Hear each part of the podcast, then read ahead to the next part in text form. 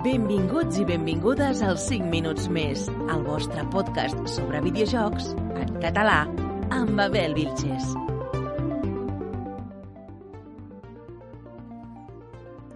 Benvinguts i benvingudes de nou als 5 minuts més. En aquesta introducció intento condensar l'essència del mes en tot allò que no tractem al podcast sobre l'actualitat del videojoc per tenir una idea de l'essència del mes i, i, avui intentaré no encallar-me perquè parlaré d'una sola cosa i que quedi clar. I parlo de nou, i em sap greu tornar a parlar d'això, de Blizzard Activision, que malauradament cada vegada s'enfonsa més en el seu propi fang i tot i que no, ens parla, no en parlarem a l'actualitat on, els, on les nostres conclusions i opinió serien les mateixes que ja fa algunes setmanes, sí que cal fer conèixer que en comptes de mirar de reconduir la companyia, com ja vam desitjar, va al contrari, tot va pitjor. Després de la marxa de Jean O'Neill, nomenada codirectora justament a l'agost, en ple merder, per fer veure que nomenant una dona en càrrec important estaven iniciant un canvi, imagineu com ha d'estar tot per dins que 1.300 treballadors i treballadores de Blizzard Activision, han recollit signatures per fer fora el CEO de la companyia, Bobby Kotick, acusat de tapar el maltractament a dones de la companyia durant anys i de maltractar dins i fora de la companyia. Has bombat, tot això has bombat, de Wall Street Journal. Però la sorpresa d'aquestes signatures no és el número, sinó que porten noms i cognoms, posició i fins i tot on és el lloc del seu treball de cada denunciant dins l'empresa. Perquè quedi clar la veracitat de cada signatura. S'estan jugant eh, el, la feina per eh, doncs intentar que aquest senyor marxi. Eh, I això exemplifica, exemplifica com és de greu tot plegat dins la companyia i l'ambient que hi ha a part de, del que ens arriba de fora. A sobre, la Junta nega les acusacions protegint a Coti quan havia dit que aplicaria la tolerància zero. Tenir notícies d'aquest tipus i de la mateixa companyia reiterant, reiteradament és vergonyós. I ara parlo seriosament i en la meva opinió personal. L'únic que desitjo és que caiguin tots i cada un dels seus directius i, junt, i la Junta perquè la Junta està recolzant el mateix, està donant suport al mateix, i reformin completament la companyia, perquè el món dels videojocs no es mereix aquestes actituds vomitives. I després d'això, que ho he deixat anar perquè s'havia de dir, després d'això esperem que el que us portem al podcast d'avui us deixi millor sabor de boca que aquesta introducció agra però necessària. Així que anem a veure anem a veure una cosa ja més bonica. Què és el que hem jugat aquest mes? I amb això us presento de nou aquí a l'Eva de Star Crockers, la Gufolov... Hola, bona tarda. Jesús, el Joslor. Hola, bones. I el Roger Baldomà. Hola. I el Morfeio el tenim eh, també aquí, llegint el vostre, els vostres comentaris del xat, o sigui que ja podeu estar dient coses que després de la- de la- de l'actualitat que ve després, doncs vindran, vindran les cosetes que heu dit. A veure, què, què heu jugat? A veure, qui comença? Jo, Molt bé, no sé, va, quina possibilitat. que he jugat, he jugat a una meravella, i és l'actualització de l'Animal Crossing i el DLC. El nou I DLC. part- Sí, El DLC aquest que van dir amb lo de la... Famós. Sí, sí, sí, sí. Que, bueno, ho tinc a Twitch, vaig fer-ho en directe, eh, he de continuar jugant, i també he jugat que aprofitant que ha sortit a Netflix a Arcane del League of Legends, m'he vixat un piló al Wild Rift, al joc del mòbil. És la combinació perfecta de fer-te una partida al LOL, en el llit, 15 minutets, i acabes bé. I ja està, això és el que he jugat. Jo estic a mitges de l'Arcane. Però, Oh! bueno, a mitges, he vist un episodi només. Quina gran sèrie. És boníssim. Brutal. Molt bé. A veure, qui, qui, qui, qui, qui vol continuar? Què heu jugat? No, és, us has de dir jo? Que... Va, jo mateix. Eh? Jo mateix, va. Salto? Vinga. Va, salta. Vinga, vull, eh? A veure, actualment estic jugant a l'Aragami en català, d'acord? Em fa molta il·lusió poder-lo jugar a la PlayStation en català. I el jugo cooperatiu amb un amic. També m'he enganxat al Red Dead Redemption un altre cop al mode online, que no l'havia pogut tastar gaire. El Dark Souls 3, després de fer el platino de l'1 i el 2, és el... ara vaig a pel tercer i estic en mig camí. I m'he instal·lat, perquè ja em dirigeixo, cap al Final Fantasy VII Remake per fer el platí també, que ja l'havia jugat, però és que ara ve un concert a Barcelona que vull anar a veure, bueno, escoltar en aquest, en aquest cas del Final Fantasy, i, i dic, va, és el moment de jugar-lo. Estàs a tope, eh, Xus? A tope, fu, fu. Ara que estic al paro, he d'aprofitar. Perquè ho has dit ràpid, eh? Perquè com que havia dit que diguéssiu dos només. Ja, però dit, No digueu no molt, feu digues molt mai. en poc temps. I Mai, ja està. mai en tot cas. Bueno, va, va, està bé, perquè ho has dit ràpid, va. Clar, tio, jo treballo, i m'ho treballo això. A veure, Gufo o Roger? Va. Doncs jo aquest mes l'he dedicat al Ghost of Tsushima. Bastant, bastantes hores he perdut en el Ghost of Tsushima, però és brutal aquest joc. I ara he començat un de plataformes indie, que és el Minoria. És un així japonès, la història recorda una mica Blasphemous, així religiosa, però està molt xulo, molt xulo, molt xulo. I el Roger què? Jo què, jo què? A veure, a part del Xen, al- algú sabria dir-me quin joc he jugat aquest mes? Jo. Forza? El Forza? Morfeu? Hòstia, ho he dit abans. Exacte, Forza Jo- jo ho pensava, eh? 5. Forza Horizon 5, ara estava mirant. Doncs aquest mes li he dedicat a 58 hores. Ah, molt bé. Uh, Encara? Es diuen ràpid, Has eh? cremat, has cremat bon asfalt, no? exactament, he anat a Mèxic i, i res, m'estic passant teta. Un joc continuista, que era el que volíem, i, i, i upgradejat en quant, a, en quant a gràfics, potència i tota la pesca. O sigui, us No, recomano a tots. És que eh, es el veu podeu jugar. guapíssim. Sí, sí, sí, el força. Bueno, i una mica de Halo Infinite, no? Online? O què? Sí, Ha però no, no, no. He jugat a Halo Infinite també, però no. He jugat a... Vale, vale, vale. Ui, ui, ui, que no, no li vol No, no, no, treure el no, protagonisme no, al no, Forza. no, no, Aquest és el nivell, eh? Halo Infinite he jugat una hora i 56 minuts. Bueno, m'ha jugat. Una hora i 56 minuts, comparat amb 58 hores, doncs no sé. Ai, doncs jo m'he viciat és més, eh, al Halo. Infinite. L'he trobat Jo no l'he tocat. És divertit. Jo no No, no, tocat, no és que no sigui xulo, eh? Jo no dic que no sigui xulo, però...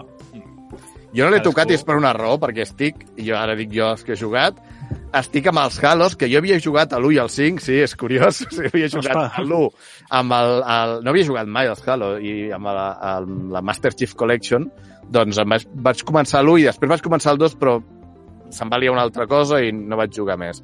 I el 5 el vaig jugar fa molt temps, no havia jugat cap dels altres, perquè era un cap de setmana gratis d'aquests de d'aquests d'Xbox i me'l vaig polir en un cap de setmana, ¿vale? Però estic, vaig, vaig acabar-me el 2 aquest mes, eh, vaig acabar el 3 i ara, eh, aquesta setmana que ve, espero acabar-me el 4 per, com que el 5 ja l'havia jugat i no tindré temps, començar l'Infinite almenys en tenint tot el línia argumental mm, bastant clara, no? I cal dir que el 3 és, de moment, és el... El més teu guapo. prefe. Va, de moment és el, el, més, el més guai. La història del 2 està bastant bé, però és com... El 2 i el 3 són com un, diguem-ne, en tema d'història, no? I, I és molt interessant el, el, el camí que agafa el 2 i, i el que acaba el 3 i el que el 4 a veure què passarà. Però és... Per, bueno, sembla Ja veiem, ja que t'ha agradat. No, no, m'he cagat en moltes, en molt, vale? perquè, bueno... Té més jugabilitat o així. els que, els que van en cotxe, o sigui, els meus companys, quan agafen un cotxe, els insulto Home. al minut. La conducció a Halo... És Hi ha uns tot quants clips, hi ha uns quants clips del meu... Així que... Però a veure, que Bueno. no estàs jugant al LOL, tranquil, no cal que insultis. No, no, però jo insulto sempre als meus directes. Jo insulto al- als NPCs que no saben què collons fan. Però I el bueno, Morfeu, a què he jugat aquest sí, que mes? has jugat Morfeo. Jo he jugat, a part del Màgic, ho deixem, no parlem d'aquest tema. no. Tema tabú al màgic. He, he jugat al Forza, però evident, evidentment com Xboxer que sóc, a mi no m'agrada l'online del Halo, he de dir que sóc mal Xboxer potser, però no m'agrada aquest estil de- d'online, i el que estic jugant és el papa de tots els videojocs, que és l'Anniversary Edition de Skyrim. Ah, molt bé. Uh, Molt bé. Espectacular, en sèrio. Mm, Qui no, qui no hagi jugat a Skyrim a la seva vida no es pot dir gamer. Jo no hi he jugat. Jo, jo directament Tot majoria. vaig provar l'Skyrim una vegada, el vaig provar i tal com el vaig provar vaig Però almenys l'has "Eh, puta obert, i és que no- no- Ah, ni el tinc. pot- Com es La història pot estar molt bé, però com es el, fa per el, marxar del xat aquest? el control... Sí, el combat, el combat és una santa merda, però Prefereixo pot estar molt bé la Oblivion. història. Algun dia l'intentaré. És veritat. no puc. bon, La bon meló, l'Oblivion. L'Anniversary Edition el que han fet és fotre-li com una mena de mods autoritzats per, per, per Bethesda, de la comunitat, i sabeu que Xbox, a Bethesda deixa ficar mods externs, i bueno, entre aquesta combinació de, de la, dels mods autoritzats i els que no són autoritzats, queda un joc que sembla next gen i sembla espectacular, en sèrio. Cal dir, cal dir que jo vaig fotre bronca al Xus per, per dir que el, el, el Breath of the Wild era una merda i acaba de dir jo Bueno, resultat el bueno. mateix, però per un altre Però tema. hi ha coses que es diuen en criteri i coses que no, Xen, i clar. És veritat, jo, estic, jo estic dient amb criteri. Jo vull ser el nen repel·lent, jo me l'he jugat i l'he platinejat a l'Skyrim. Ja està. Bueno, Volia En deixar anar. Molt bé. algun dia, algun dia ho intentaré, però Em per mi per tu, eh, el combat Xus, ha envellit molt malament. Però bueno, És molt xulo. no ens, en- no ens en quedarem aquí. No, no volia ser polèmic, eh?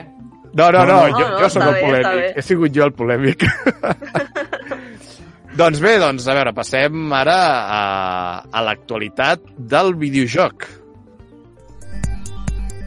Als 5 minuts més opinem sobre l'actualitat del món del videojoc. Doncs avui portem tres notícies i la primera és una que, a veure, ja...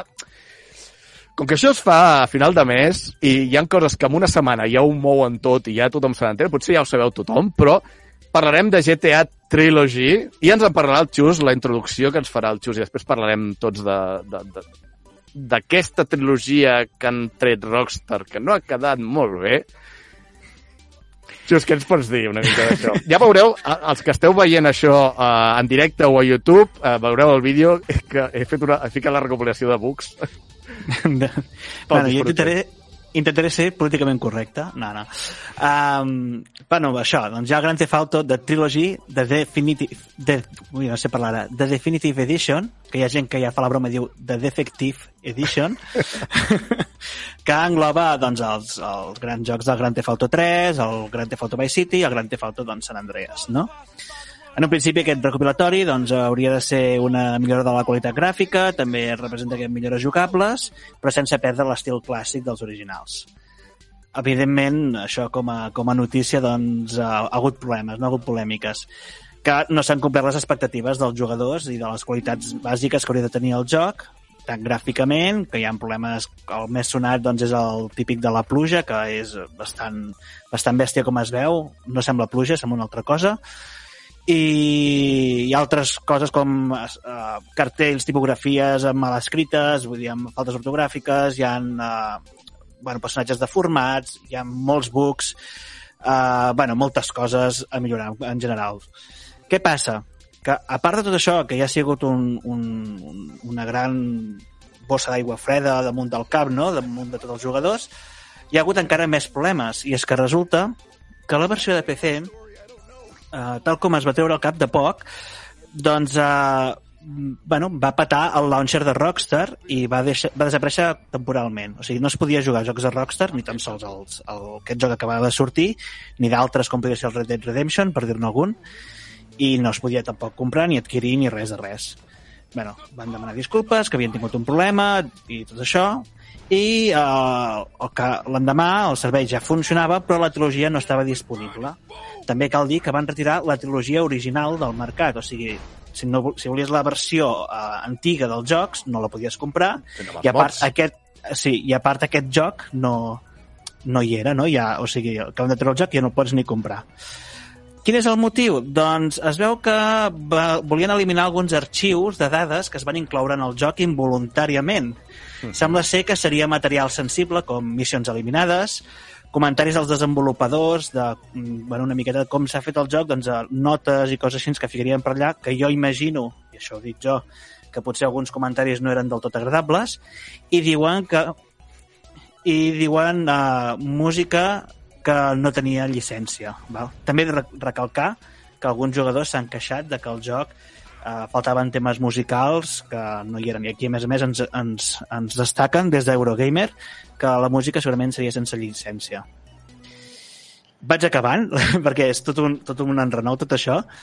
Uh, el, 15, el dia 15 apareix de nou el joc per, per PC amb disculpes de Rockstar prometent que treballaran dur i que milloraran el rendiment. Mentrestant, doncs, eh, Moders han intentat fer solucions als diferents eh, apartats gràfics i tal, i bé, sembla que finalment han tret una actualització que millora alguns dels aspectes, com, com el que he esmentat abans de la pluja, entre altres, però bé, li falta un llarg camí a partir d'endavant. I ràpidament, unes quantes queixes també que hi han hagut, estic fent un, un bon discurs, eh? Uh, és que s'ha tret bueno, coses petites com s'ha tret el símbol d'un personatge que portava la samarreta de la bandera dels Estats Confederats d'Amèrica i han ficat una calavera en comptes d'això i que sembla doncs, que estan rebaixant el to de, del videojoc en general en aquest sentit. No? S'han tret alguns trucs que podies fer abans, els, els trucs típics de flotar eh, vehicles i coses així, doncs alguns els han tret i en canvi n'han afegit d'altres de nous. Hi ha jugadors que estan en contra d'això. I bé, doncs així en general molta cosa de, de gràfics. Paisatges, abans tenies el recurs de la boira que per no veure paisatges llunyans, ara no hi és i es feia estrany, no? perquè veies massa bé la ciutat i era com estrany les distàncies, edificis que no hi són i que els han canviat. Bé, una adaptació una miqueta estranya, podríem dir, del que seria la trilogia original del, del Grand Theft Auto. Sí, però apuntar simplement abans d'això que el, el tema del, de, del codi aquest és que era el codi font sense compilar del joc. Cosa que implica, Això. tu agafes allò, t'ho emportes, modifiques i tens el codi font del joc. És molt greu. Mm. -hmm. És, el, o sigui, és com el... És el font, és la llicència. Ho penso. I hi havia un minijoc sexual, Hot Coffee, que el van retirar en el seu moment per temes legals i que era, bueno, era tema de... Anaves allà i podies... Era un minijoc sexual. Fer coses. I que no est- estaven al codi, no estaven funcionant, però estaven al codi i amb això ja et poden xapar el joc, vull dir, només que estiguin al codi. Llavors, puntualitzar aquestes cosetes només. Sí. I Ben què en penseu? Què en penseu? Perquè jo crec que lo de, lo de, Cyber- Cyberpunk es queda, jo que per mi es queda una mica, Es queda molt curt. es queda molt curt tenint en compte això. Sí, Sí. sí. Les imatges del vídeo són terribles, o sigui... És terrible. poesia, No, és poesia pura. O sigui, tocaven la nostàlgia de la gent dient ostres, no, es podran tornar a disfrutar les, la, la, els tres grans jocs de GTA i tothom ho esperava en plan, hòstia, que els podrem disfrutar de nou, no sé què, i de cop et planten el- això, entres allà i et comença a volar un cotxe o de cop desapareix en l'aigua i dius, a veure, vamos a veure. Sí, i pagant 60 euros. Sí, Exacte, eh? és que és el pitjor, o sigui... Òbviament, no, no, els... i- Yes, yes. Dic, dic, a més, a més, el que s'ha demostrat, a més, aquests jocs ja els teníem per versió mòbil per 5 eurets cada un, 5, 7 euros cada un, uh, i, i s'han vist imatges on a la interfície d'usuari s'hi veia que sortien els controls de mòbil, és a dir, que al final han agafat els jocs de mòbil, han fet un cutre port aquí per les consoles, a la, li han envainat a la gent per 60 euros, i a més a més no funciona, o sigui... És que és terrible, sí. I, i, I per Sí, què sí, tenim sí. la retrocompatibilitat, senyores i senyors? Sí, perquè ens vagin enxufant basura per treure diners? No sé, a Rockstar aquí l'ha pifiat d'una manera... Sí, sí. Espectacular, S'ha quedat ja. molt retratat, jo crec. Sí. A veure, us, he Bueno, de, és el us he de comentar que... que- sobre això del tema mòbil hi ha un tema, és que la companyia que s'ha encarregat de remaster, perquè aquests remasters generalment es carreguen a companyies a vegades externes i tal, que són més s'encarreguen de més bé de fer aquestes coses, però l'han eh, bueno, tenia apuntat per aquí eh, sí, Groove Street és la companyia a la que han eh, encarregat això i que ja van fer un re el remaster de San Andreas que va tindre problemes molt semblants en el seu moment la remasterització, el 2014, i un dels problemes era que justament havien agafat la versió de mòbil de San Andreas per Mhm. fer el remaster. O sigui, el font, diguem-ne, havien agafat la versió de mòbil. O sigui que això que deies justament és això. Hauran agafat Sí, sí, sí. sí. el mateix, hauran de fer un remaster del Sí, sí. remaster del San Andreas, dels altres no sé, però com pots... Com? Com Rockstar, confies? Us, us ho tiro Sí. aquí, no? O sigui, ro, uh, Rockstar, com tractes tan malament a la teva franquícia més estimada i que t'ha donat més diners i que t'ha t'ha fet el que ets uh, donant primer el remaster a una companyia que ja ho havia fet malament abans Sí, exacte. I no revisant res i treure al mercat que- sense sí, sí. revisar. O Sí, sigui, sí, sí, sí. això- És que jo crec que és difícil fer-ho malament. És que el Per problema, això jo crec és el problema. que no sé si Rockstar es pensava... pensaven que a la gent li faria gràcia tants bugs, o sigui, conjunt de bugs seguits o què? Però és Està que no. moda tenir bugs. Però és Però que, el bo clar, d'aquesta companyia és que són 21 empleats. És que... Són és que 21. Rockstar no és una mala companyia. No, ja, i és que dic, per què volen... O sigui, vale que s'ha d'invertir, ajudar a les petites companyies, el que sigui, però igualment, ja que te l'ha cagat, entre cometes, abans, eh, no crec que vagis just a pasta per estar amb un... No, no, una menys gent, la, tenim... amb una desenvolupadora que no, No, ha li pot, li del posar el mateix, però posa-li un equip de testing, de, de proves, També, com Déu clar. mana, no? Perquè potser no el tenen, jo què sé. Clar. Però, uh, però, però, a veure, amb la pasta que estan fent aquesta gent, no sé ni per què han de treure això. O sigui, que treguin el joc retrocompatible per tothom i, i es deixin d'històries, que ens estan Sí. venent el GTA V des de tres generacions anteriors. Exacte. Sí, això és veritat. O, o també, també, mira, quasi és més preferible fer el que, el que va fer Nintendo amb, el, amb la recopilació de Mario, agafes els jocs, els fots allà i mira, Sí, sí. vas pagar, bueno, Cinc Ara podeu jugar a les noves plataformes. Però, Exacte. no sé, és que jo crec que el tema és deixadesa. És dir, mira, ho traiem perquè, perquè Sí. estem per Nadal i a Nadal ho vendrem això com a xurros i guanyarem una de pasta sense fer res gairebé. Ho traiem i ni ho revisem. És Exacte. que ni ho revisem. I això és com, no sé, és que és molt dur. Jo, és que és això, jo crec que diuen, bueno, el joc ja està bé, els tres jocs, la gent li agrada, hi ha l'època de nostàlgia, pues, simplement que es pugui veure bé una miqueta, canviar quatre tonteries de textures per vendre-ho més bé, i apa, i els he sortit el tir per la culata, vull dir, ha sigut vergonyós. És que és el que deia el Xen, o sigui, ni ho han revisat, perquè això et No, jugues no. 10 minuts i ja dius, aquí em fallen coses molt, molt massa Eh, importants. per- Perdoneu que, que ve, entri a- al debat, estic amb el, el micròfon obert. Eh, no només han fet un canvi de textures, han fet un canvi de motor sencer. Està en un Real Engine, aquesta trilogia. Sí, sí, sí. Vale, o sigui, no és una feina només de canviar de textura, sinó un port complet dels binaris No, ja, ja, per però utilitzar-ho no. en un Real Engine. El problema d'això és que de, perquè havien retirat els jocs és que el- a part del codi font hi havia el codi del motor que realment no està llicenciat al seu nom vale.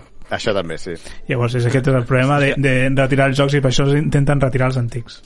I dit això... aquí La, la, la veu de l'experiència ens, ens ha parlat aquí des de, des de la cúpula. De fet, No, De fet, una de les coses que dèiem de per no ficar els trucs, que és una de les queixes que tenen els usuaris, una de les Sí. moltes queixes, era perquè no era compatible amb l'Unreal. O sigui, perquè Clar. es una idea, saps? És a dir, Mm. A veure, el tema, el tema és que el que han fet ara és que, no sé si ho han fet ja o ho tornaran a fer, que tornaran a treure els antics perquè Sí, la gent sigui d'això. es que... pot comprar ja, i es poden comprar els antics una altra Vale. vegada. Bueno, i els que ja ho han comprat i tots els mods que hi ha, que hi havia molts mods, és una putada, perquè si els treu de cop, tots els mods que s'havien fet, a la merda, i els mods són una cosa que allarguen la vida dels jocs al final, i, Sí. i és la comunitat, no?, que, que ho fa, i, bueno... Bueno, Rockstar aquí...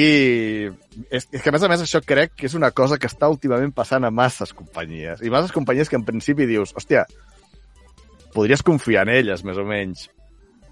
És, és, és una mica preocupant, però bueno. Bueno, jo veig... Jo, molt ràpid, Sí. sí. jo veig dues coses, eh? Jo veig que és un... Fem això i, ben- i farem peles i ja està. I és sí, sí. fatal perquè han espatllat la marca, l'han espatllat i ja està. I l'altra se m'acaba d'anar del cap. Ondiatxos. Bé, visca, Com prova xus, el bé. diumenge, eh? Bé, Ha sigut molt natural, eh? Molt natural.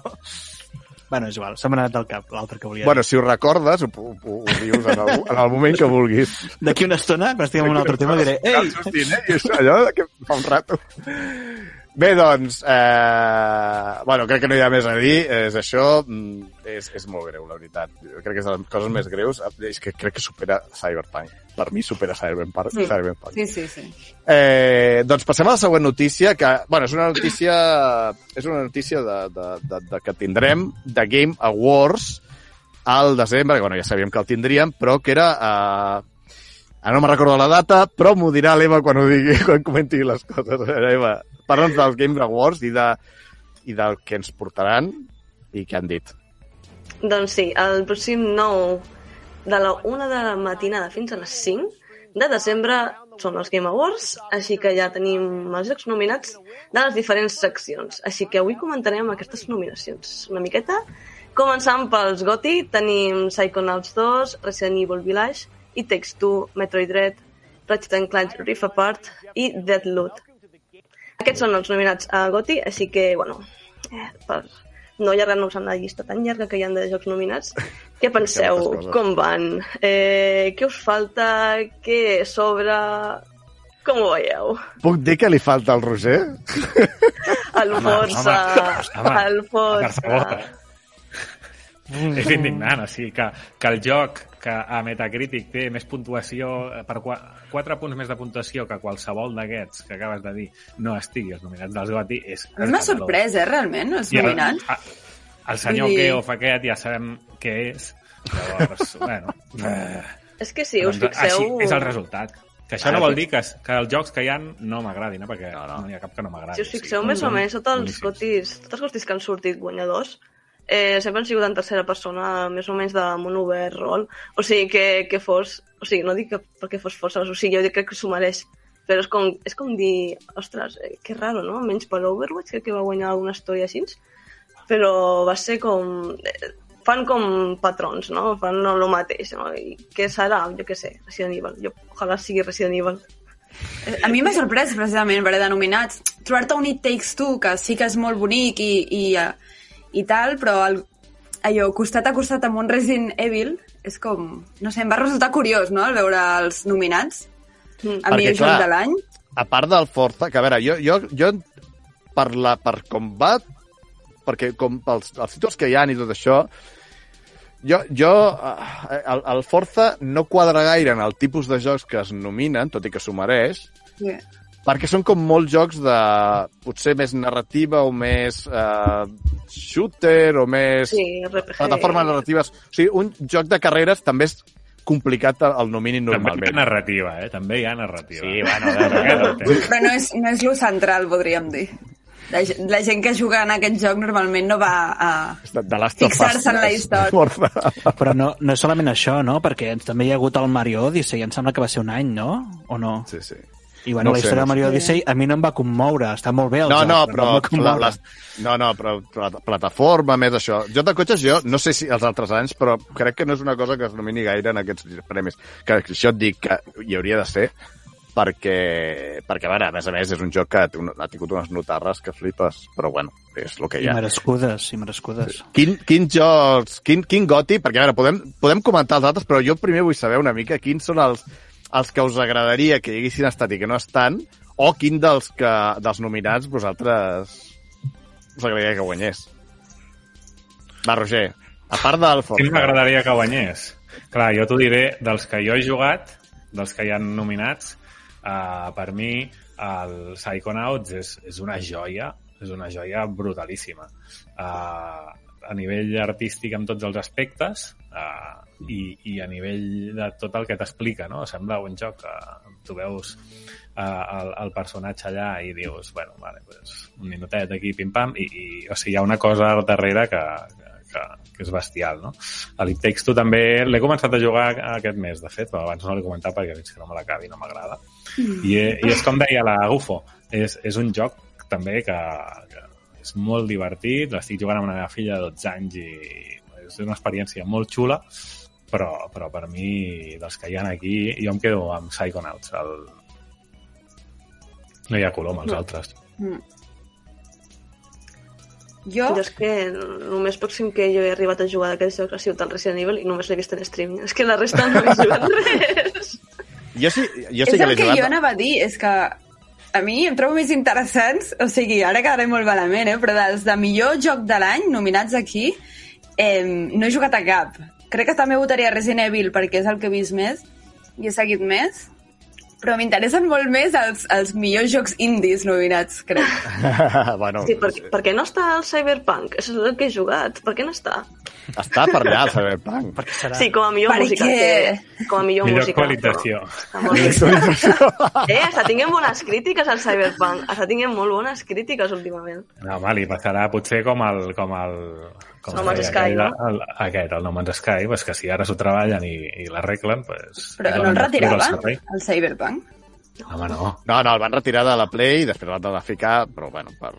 No, però bueno, no és... jo trobo que Bueno, té més bona base segurament el, el, el Cyberpunk, Cyberpunk que el No Man's Sky. Però, no, jo, però crec que pot millorar, podia millorar més el, el No Man's Sky que el Cyberpunk. Perquè Sí. ja és una... Saps? Vull dir... Uh, Xus?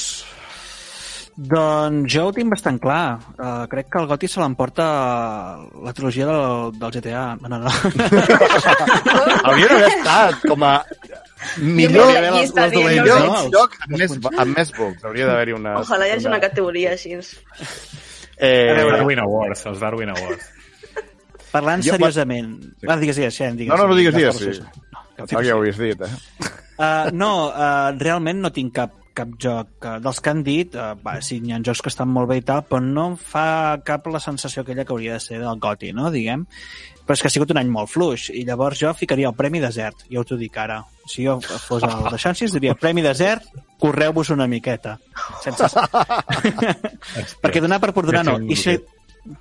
No, però Llavors, hi ha alguns que s'ho mereixen. Sigui, no... Sí, llavors jo crec, sense haver jugat, que hi ha el, el, el Life is Strange to Colors, que em sembla que és d'aquest any, que jo potser podria ser una bona candidatura, no sé si... si Està millor narrativa. Mhm. Segur, no en tinc ni idea, no l'he jugat, eh, però té molt bona pinta. És que els que hi ha no els he jugat perquè un joc a 80 euros no el puc pagar, no? Llavors doncs m'espero una miqueta més. No, però pots Però- pagar molt. Ah, xus, que tens el Game Pass, home. El Psychonauts segurament seria un dels, dels possibles, igual, igual que el Forza. I hagués dit Demon Souls, però va sortir el 12 de desembre del 2020, i llavors suposo que ja no cola, no? Allò, aquests... aquests... No, ja no cola, crec que ja va... No, també està el Cyberpunk per allà, nominació de... El Returnal també el podrien haver pujat, com diu l'Equidrel en el xat.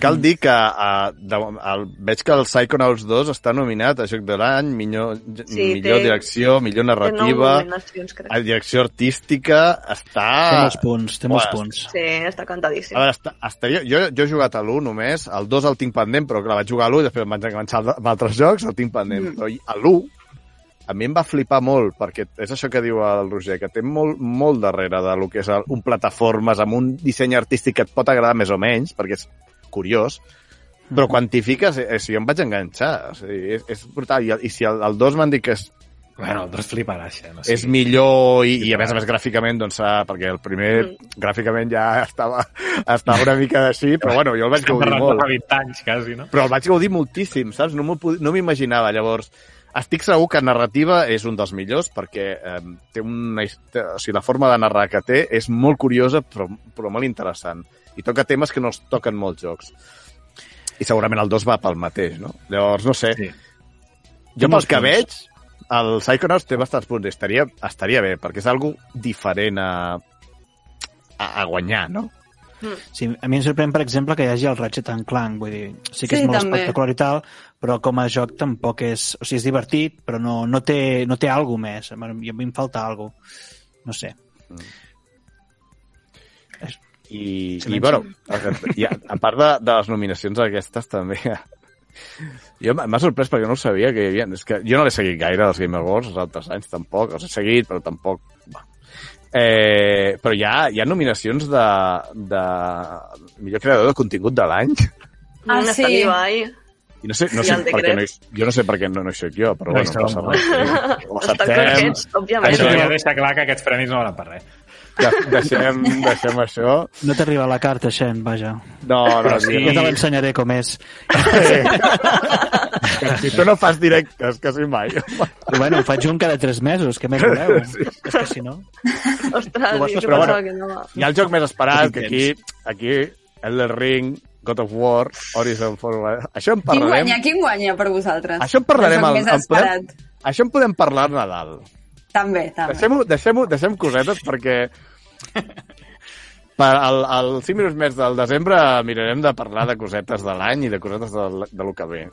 Eh, però bueno, no sé, en general bueno, el Goti ja hem, ja hem opinat una mica, però en general, no sé si heu mirat una mica en general el que hi ha. Hi ha moltes seccions Mm, millor Moltes. venda d'esports, millor entrenador d'esports. Em, em sembla curiós, això, però bueno, està guai. lo Millor d'esports que- jugador d'esports. No està malament, perquè també... mòbil, Sí, Sí. toca una mica tota el la Genshin i el, Sí, el sí, Wild sí. Rift, el meu League of Legends. Està allà. Però, però al final el, el, millor, el millor dels Game Awards és que sempre el Geoff aconsegueix alguna exclusiva que s'anuncia dins del seu event World i, i, i per mi això és, és, és, el, que, és el que val d'aquesta festa. Que apareix allà algo interessant, no? Sí, sí, sí, sí. Molt bé, molt bé, molt bé. Doncs no sé si teniu alguna cosa més a dir de, de tot plegat. A veure com va. A veure com va. bueno, a veure jo què tal. A directe veure, no me'l miro. uh, segurament en parlarem el proper 5 minuts més. Si hi ha alguna cosa especial i tal, doncs en parlarem. Quin dia se celebren els awards? El 9, de, El nou. és un divendres a la 1 fins a les 5 de la matinada. És que, que quin és horari als més Estats bonic. Units. És No cal Units. tampoc mirar un directe. A veure si algun Ah, clar, streamer en català algun streamer català la- el retransmet. El comenta, sí. Bueno, ja veurem. podríem, podríem, hauríem de fer uns 5 minuts de Wars. eh, bé, doncs, eh, si no teniu res a comentar més de tot això, passem a la següent notícia, que és... Eh, espera, ara no me'n recordo de quina és la següent notícia. Sí, cap. Algú feia 20 20 anys. anys. Parlem, parlem, sí, sí, sí, el Roger em matarà. 20 anys de Harry El- Potter. Els 20 anys de Harry Potter. Parlem, parlarem dels 20 anys de Xbox, que ha fet 20 anys Xbox a, a, aquest mes, i, i el Roger ens explicarà una mica què és el que han, han fet per celebrar els 20 anys, i, Sí, i a veure què tal. Sí, sí, doncs mira, precisament el passat 15 de novembre Xbox va celebrar el seu 20 aniversari. Uh, el 15 de novembre del 2000 es posava a la venda als Estats Units la primera Xbox, que ara s'anomena Xbox Original, uh, que va ser la primera videoconsola de Microsoft que entrava doncs, dintre d'aquesta indústria que en aquells moments estava uh, monopolitzada i, i dominada no? tant per PlayStation com per Nintendo i volien, el que volien era pues, tenir ganes de ser una opció més per tothom que volia gaudir dels videojocs. A motiu d'aquest 20 aniversari, Xbox va fer un esdeveniment especial en forma de conferència eh, doncs, per donar el tret de sortir de diferents esdeveniments. No? Aquesta va ser retransmesa per la comunitat d'Xboxers catalans i la veritat és que va ser, va ser divertida, va ser interessant i, i el que ens han promès és doncs, que durant aquests dies tindrem eh, doncs, moltíssimes coses per conèixer pues, el passat, el present i el futur de, de l'ecosistema Xbox. No? Uh, i, I si la història us interessa, la veritat és que el 13 de desembre s'emetrà el documental Power On dedicat doncs, a repassar tota aquesta història de la marca. Durant el mateix esdeveniment es van repassar doncs, els èxits eh, com les seves sagues icòniques, però també, atenció, els seus fracassos, no? com les mítiques tres llums vermelles. Clàssic. Eh?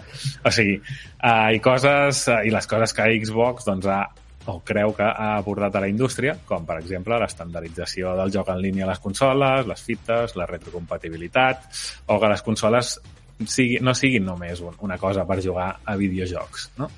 I com a regal d'aniversari, eh, tot i que ja corrien rumors, al final d'aquest esdeveniment, 343 Industries, estudi responsable de la saga Halo, va anunciar que des d'aquell mateix moment ja es podia descarregar la beta oberta del multijugador de Halo Infinite, així que imagineu-vos què va fer tothom.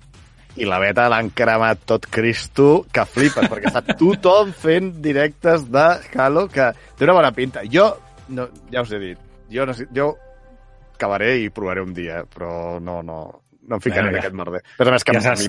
jo, entro i, jo entro i tret del cap, eh? Vull dir, sí, sí. Ja saps que tens els, els dimarts de, de Halo Ah, ja sé, ja Xbox catalans, o sigui que quin lloc millor doncs, per anar a gaudir d'aquest multijugador que doncs, amb gent d'aquesta comunitat que parlarà en català amb tu sense problemes i no t'hauràs de barallar amb guiris ni coses així. bueno, bé, bé, bé. Eh, no sé, el, el, els altres, a veure, que que Aquí, aquí, aquí estem, el, els que potser coneixem més Xbox, som el Roger i jo, i, però els altres heu, heu mirat cosetes de què us sembla el, el que han volgut, el que han tret o, o volen fer per celebrar el- el- l'aniversari i, i si recordeu que la, per com va sortir la primera Xbox perquè és, és interessant la història Sí, jo ni la sí. recordo. A mi. A mi m'ha rebentat molt al cap lo, el nom de Xbox en si. Perquè jo no sabia que era de Direct. Direct X. O sigui, DirectX. jo, dic, què? El, el, el nostre DirectX de l'ordinador? En sèrio? Però bueno, que també té, té una part fosca, no?, el nom de Xbox, que era el projecte Midway, en relació amb, bueno, amb la Segona Guerra Mundial de quan els Estats Units bueno, i el Japó van estar fent piu, piu, piu, piu. Ah, perquè era el nom que tenia. El... Era per bueno, intentar eh, doncs fer competència a Japó, però que com que volien també tenir el, el suport de Japó, òbviament, pels videojocs, van dir eh, Ah. millor que no, perquè és una miqueta racista. De fet, No, no, no, una mica. de, de fet, de fet han, han anunciat i ho han confirmat i ho han compartit no? en, en, una, en una aplicació web eh, on pots descobrir part d'aquesta història eh, i que ja està confirmat, s'ha vist les, els correus, les cartes, no? doncs que Microsoft va el primer que va fer va ser intentar comprar Nintendo i això ja Sí. està confirmadíssim. Llavors aquí aquesta guerra potser que esmentaves, Eva. I, Sí. i l'altra és que també va intentar comprar Square Enix. Sí, sí. Hòstia, això potser- ja, potser ja no són bé. rumors, això ja no potser són hauria rumors. estat bé, potser hauria estat bé que l'hagués comprat, perquè després de Square, quan Square va deixar de ser Square sol, és quan va anar una mica regular. O sigui que... Bueno, amb Squaresoft era molt més xulo, sí, sí. Sí, sí, per això. Que no, sé, no sé si hagués sigut millor. No. Però, a, a veure, Just, ara que ens ha ensenyat la Play 5, parla una mica de... Però no ens has ensenyat la. És que, clar, estic dient, ens ha ensenyat la Play 5, ens ha ensenyat fora del directe. I ara estava... Era com si fos el directe. No la puc, no la puc agafar. És que No si ho puc agafar perquè t'es- T'agafarà t'esbrigaries el braç. l'esquena en Em dislocaria l'ombro. No sé, jo és que jo estic molt content de que faci anys Xbox, que vols que et digui. Jo, quantes, per 20 anys més, ostres, la veritat. No sé si recordeu el primer cop que heu jugat a una Xbox, vosaltres? El primer dia el recordeu? Heu tingut Jo primer dia? Heu tingut primer Jo sí, dia? No, jo no sí. tingut. És que no he tingut una Jo influència de tenir Xbox. Sí, sempre sí he tingut Play i Nintendo i això. Sí, jo també. A casa hi ha Play i Però- Nintendo. Però recordo que vaig jugar al Fable i al, al Halo. No sé quin dels Halos, perquè vaig jugar amb el meu cunyat que jo la tenia. Però recordo uns estius superguais jugant al Halo. Això sí. Les nits de Halo. I en canvi sí que he provat el Halo, aquest multiplayer que han tret per l'aniversari i he de dir que és molt guai, eh? O sigui, és molt divertit, són les partides molt ràpides i òbviament hi ha modes que t'agradaran més que altres, però es fa, es fa molt entretingut amb amics. Molt, Bueno, el, que, molt. el, que, el que han dit la gent que, que ha jugat és que recorda el, el, el online de Halo, de Halo 3 que sembla que és el que era millor, no? Eh, I que després mm, 343 van fer coses estranyes, van experimentar i sembla que ara han tornat una mica als orígens, així que a veure, a veure què tal. Eh, clar, o sigui, això que... de- O sigui, us, us, diré, us diré una cosa que no sé si sabeu, que Xbox existeix gràcies a Doom. Sí. és curiós, no eh? Sabia, no sabia. Perquè, bueno, Per això en compren realment, d'ara. realment, sí, mira, realment Dire- DirectX existeix gràcies a Doom i Xbox existeix gràcies a DirectX. O sigui, no, perquè resulta que quan van treure el Windows 95, que era el Windows que era més, bueno, més de, de, de, sem- o sigui, el més evolucionat, diguem hi havia el 3.11, però no es podia fer gaire cosa allà. Uh, doncs resulta que, clar, no era compatible amb Doom i hi havia més gent amb Doom instal·lat que a Windows 95. Llavors van dir, hòstia, eh, això està jugant amb MC2 el Doom i no s'instal·len el Windows 95. Llavors van, és quan van entrar en començar a fer uh, unes llibreries que poguessin, perquè poguessin jugar al Doom. I els que van estar començant aquest projecte va ser Gabe Newell, creador de Valve, i Alex St. John, creador dels DirectX. Bueno, que és el creador-creador. Però Gabe Newell estava dintre l'equip. O sigui, curiós, curiós. I a partir d'això, doncs, van començar amb el DirectX i llavors van... Uh, eh, van DirectX va utilitzar en arcades d'Intel i a la Dreamcast. La Dreamcast anava amb DirectX. I a partir d'això va ser possible l'Xbox. A partir de totes aquestes utilitzacions de DirectX a altres espais més de consola, és curiós, és curiós. Al Us final- recu- Digues. Bueno, Mira, dic una cosa només. Sí. Us recomano un documental de Marc Rollan, que, bueno, Marc Rollan és un... El Funs el coneixen, fa en castellà llàstima, és d'aquí, podria fer-ho en català, però bueno, està molt bé, que fa una mica, explica la història dels videojocs, i hi ha un, un concret que és de Xbox, que és molt, molt interessant, i que he tret aquesta informació d'allà, perquè crec que no es troba... O sigui, costa trobar aquesta informació. De fet, no, doncs amb això que deies, no? que al final tot ve Xbox ve dels ordinadors i, i gràcies a això doncs, tenim ara consoles que al final són d'una arquitectura d'ordinador pràcticament uh, i, i que ha permès doncs, doncs que, no sé, que ara, per exemple, uh, doncs PlayStation tregui una consola compatible amb discs durs estàndards, que tinguem connexions estàndards i no estiguem amb les connexions propietàries i, i coses d'aquest tipus. No? Per tant, això per mi és una cosa que és, és molt interessant. Bueno, al final és la competència, no? La competència fa una cosa que agrada i altra que no agrada, doncs et quedes amb la que agrada per intentar Mhm. millorar la seva part, no? O sigui, això és el, que, el de sempre, no? Que hi hagi competència sempre és bo, Oh, i tant, no, no, això és I- vital. Totalment, totalment. Com diu, de fet, el, el Reggie, el Reggie, l'expresident de Nintendo Amèrica, en una entrevista de fa 3 o 4 dies va dir uh, que la indústria dels videojocs és millor gràcies a Xbox, no? I al final jo crec que el que volia dir és això que acabes de dir tu, Xen, que com més competidors tinguem aquí, pues les consoles seran més canyeres, seran més guapes, oferiran coses millors i, i com deia també el Xus, pues per, per molts anys uh, que hi hagi Xbox, que hi hagi PlayStation, que hi hagi Nintendo i, i que se les fotin ben fotudes perquè al final hi guanyem nosaltres, no? Sí, al final és això, que la lluita d'empreses, de competència i tal, hòstia, aquesta ha fet això, ha agradat, vaig a mirar, de, Ah, mirar a veure si com ho puc fer perquè també m'agafi aquest públic i me l'emporti cap a mi. És com una... Bueno, mentre sigui... El problema és que diguem-ne sé, que, mira, mira. que, que la gent ho fa insar, això, quan no hauria de ser tan insar. Correcte, correcte. El El truc és és el la que feia, gent, no les companyies. el, el truc és el que feia jo, que a les, a l'estiu jo el que feia és que amb un amic ens intercanviàvem les consoles, saps? I llavors podíem jugar-ho Ah. tot. Saps? Arribava l'estiu, vinga, vaig a jugar jo als Halos i als Gears of War, i et deixo tu als no sé què i als no sé quantos, no? Però bueno, això és lo Això xulo. és una que- bona idea, Clar, no, no, sí. i tant, Clar, clar. Sí, Sí, sí, és veritat. Xus. Ens organitzàvem per comprar consoles diferents, saps? És veritat, Xus, tio, la Racing aquesta que tens aquí, pues Sí. mira, jo tinc la Series S, que està molt No, bé, a més a més. deixa- deixa'm ordinador. fins a la meitat de l'any que ve. El ordinador, i, Xen, i ja la Play 5 aquí, i tens el God of War, tens el- les of Us, tens tot això, no? Pues, feu intercanvi. Guanyaràs Tinc en espai. Guanyaràs en espai. El Xus a la intimitat m'ha confessat que de cada dia posa un Siri a la Verge Montserrat per agrair-li... Un Siri? A... Sí, Un Siri. per agrair-li a, a, a Xbox que creés els assoliments i després a PlayStation incorporés els platinos. És lo millor que ha fet Xbox, lo millor. És que sense Xbox el Xus estaria mort en pena aquí, no tinc assoliments, no? Us Com juro que de petit tenia enveja, eh? Us juro que tenia enveja. Sí, sí. No, però Doncs, és, molt bé, és, molt molt bé. xulo, és molt xulo que hi hagi diversitat, que hi hagi competència, perquè fa que la gent s'esforci i, i que creïn nous productes i millors. Si no, s'acom- s'acomodarien. Vull dir, ja, ja està bé que dir. Si no passa com de tot. Rockstar. Exacte. No, és veritat, és veritat. Quan, quan tens alguna cosa amb molt d'èxit i, i, i, i no tens competència, a veure, un joc és un joc que és una saga i d'això té és complicat tenir certa competència perquè de GTA no hi ha res igual. No, diguem-ne, però la Per gent exemple, intenta treure el GTA Killer, no? És a dir... Sí, en però- Mons oberts tothom ho ha intentat. De, Però no hi ha hagut una competència, el GTA és el top, per exemple. Sí, és el Sí, sí, clàssic. perquè, perquè hem parlat de GTA de fa un moment, no? I llavors, Sí, sí, sí. quan no hi ha una competència clara, doncs, clar, et, et, potser et creixes una mica més del que hauries i no tractes Mhm. les coses que m'haurien de tractar. Rockstar, mm, què, què has fet?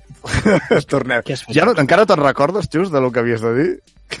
Ostres, ja, ja n'he pensat més. Ja n'he- Ja està. està El tenim despistat, el Xus. està Ho ficarem en un tuit. Quan ho recordi, fiquem en un tuit. Sí, fica, fica en un tuit i farem retuit al, al compte dels 5 minuts més. Per, per cert, recordeu que a Twitter i Instagram 5 min més, perquè 5 minuts més ens el van robar un altre programa que es feia abans que 5 minuts més. Llavors no ens l'ha robat, eh? No ens l'ha robat. Bueno, ho va robar pen- Vam ser pensant més ràpids. en el futur. 5 min més a Twitter, i bueno, teniu aquí sota, de fet, a Twitter i Instagram, i, Sí. i això.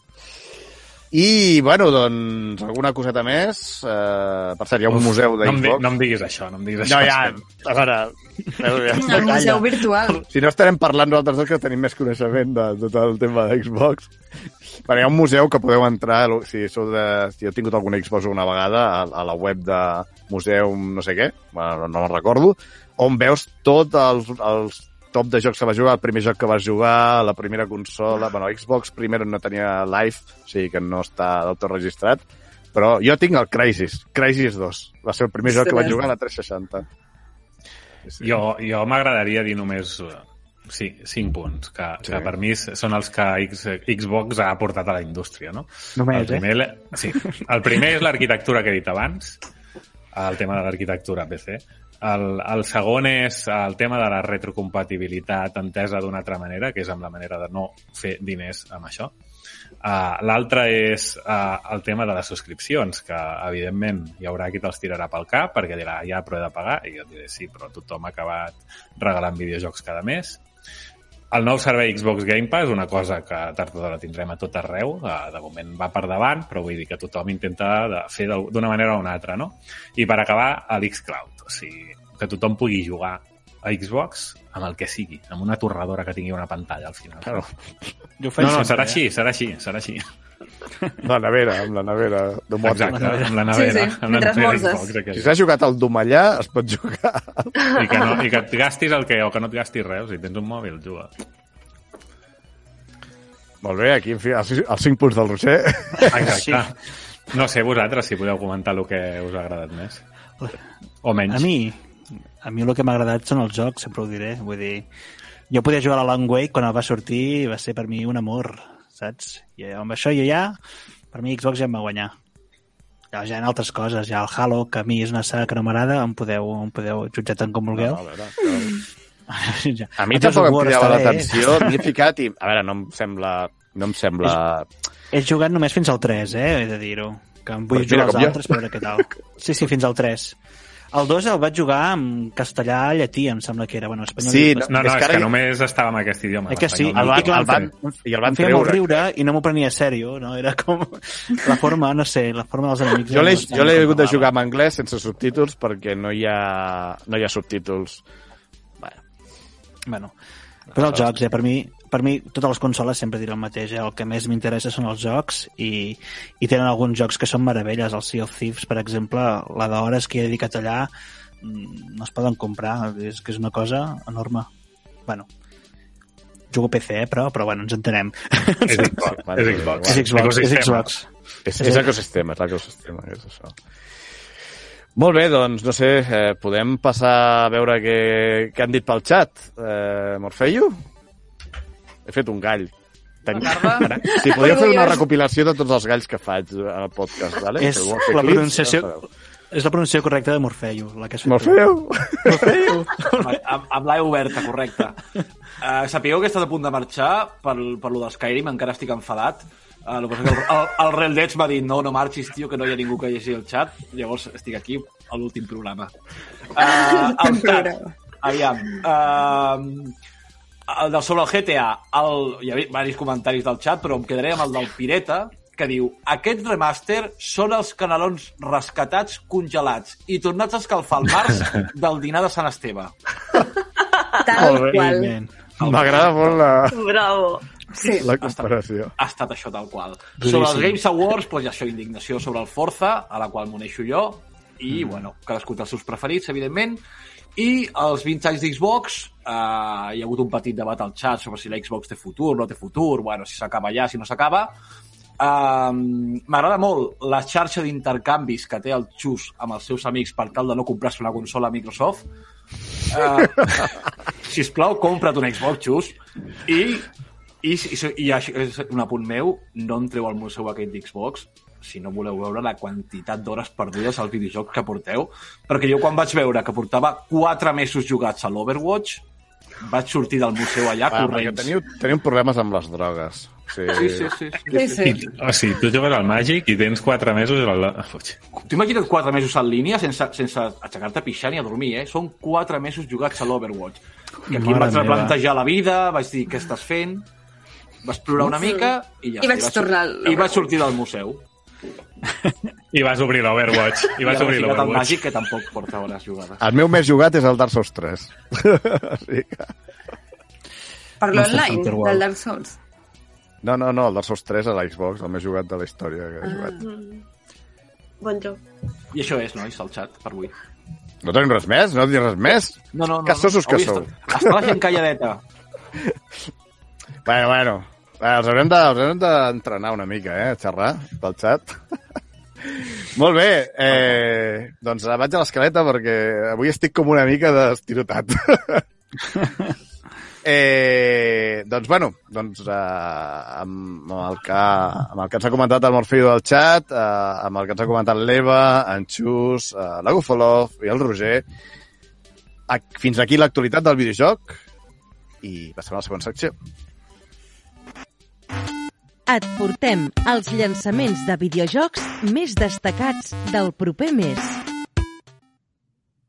Molt bé, doncs passem als llançaments destacats que ens ha, ens ha, dit, ens ha dit la bonica veu de la Sònia i avui comencem, com sempre, amb Xboxes catalans, eh, en De Choco.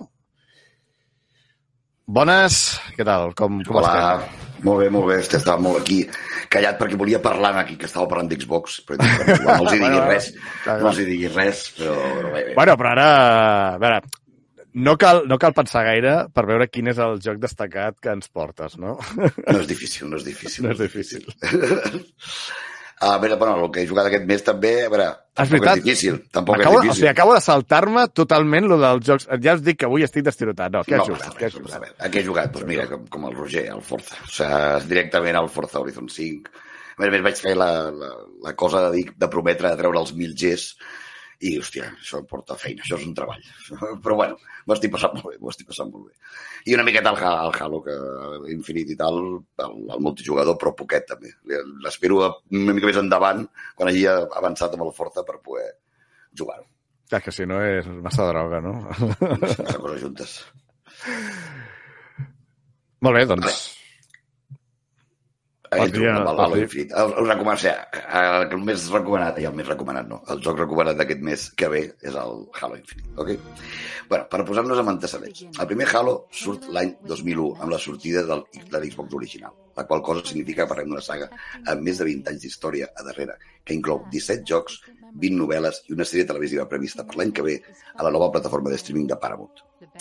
Però ara parlarem de l'Halo Infinite. L'E3 del 2020 es presentava espectacular tant per Xbox com per Halo, però el primer gameplay mostrat no va agradar gens i les crítiques van ser molt dures.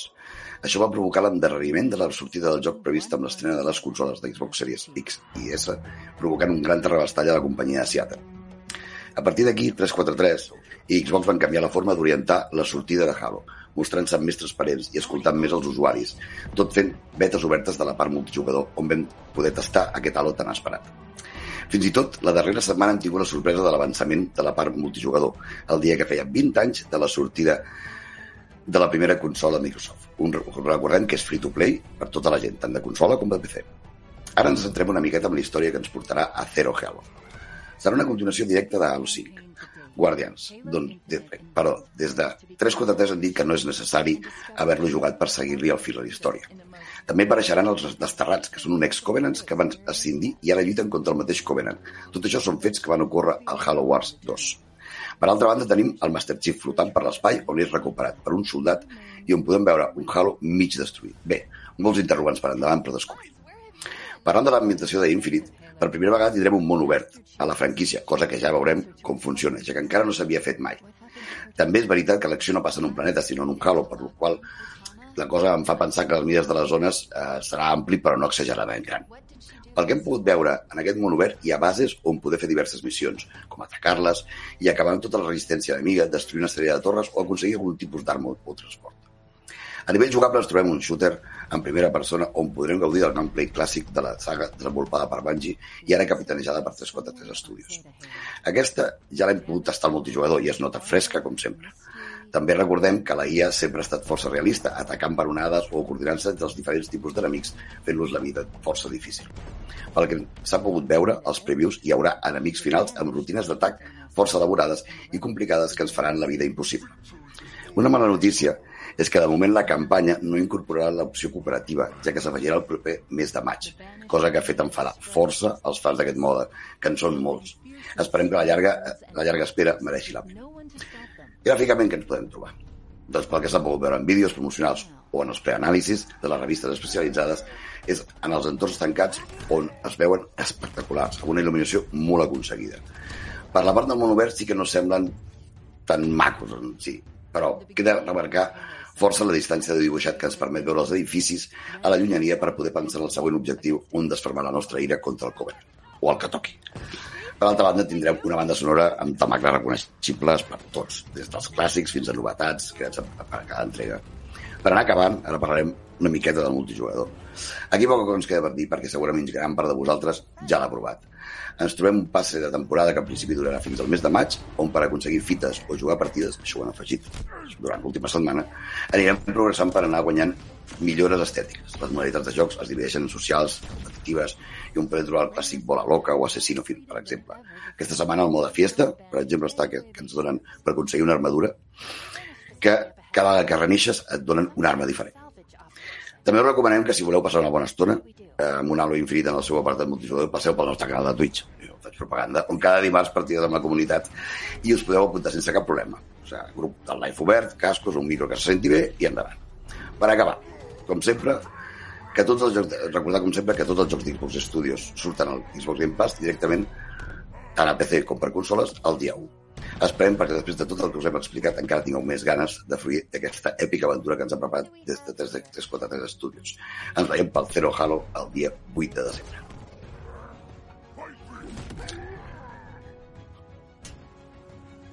Sí?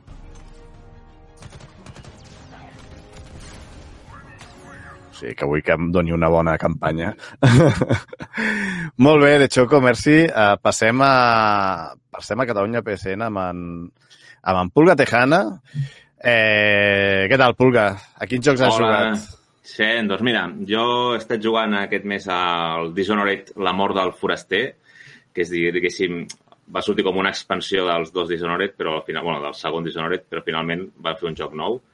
Eh, està molt bé, jo l'acabaré la setmana que ve, suposo, en directe, i realment segueix eh, molt l'estètica dels altres jocs, i si us han agradat els dos primers, aquest us encantarà. Jo estic pendents. Els doncs, ara que heu parlat d'Arcan, bueno, hem parlat uh, offline de l'Arcane, la, la sèrie aquesta, l'estètica em recorda moltíssim. He vist, no he vist la sèrie, però he vist els dibuixos i són molt, molt, molt semblants, això. És una cosa que atrau. Sí que és veritat, que me'n va recordar una sí? mica. Sí. Sí, sí, sí, és que a mi m'ho va semblar. No he vist la sèrie, però veig les imatges i això. Uh -huh. I parlant d'estètiques, doncs, com que s'acaba del Game Pass, treuen el Call of the Sea, l'he jugat, i és un joc que estèticament em recorda molt al Sea of Thieves. Però, bueno, no té res a veure, però sí que l'estètica és molt recorda. I m'ha sorprès molt la història, que jo sóc molt l'amant de Cthulhu, i t'involucra molt en una, en una sèrie com si fos una història de misteri amb aquesta ambientació. Realment eh, és un joc només de puzzles, bueno, trencaclosques i tal, però amb una història que està, està molt, ben, molt ben agafada. M'ha agradat molt. Guai. No, aquest, jo el vaig començar, però vaig tenir un problema que em vaig encallar un lloc. I tenia altres coses i no, vaig, no, em vaig, no em vaig uh, trencar molt el cap, però... Doncs dona't pressa perquè te'l treuen aquest ja, mes. Ja ho sé, eh? ja ho sé. I bé, el destacat de Catalunya PlayStation no és un joc, és una expansió, però és una expansió molt potent que és del Final Fantasy XIV Online Land Walker.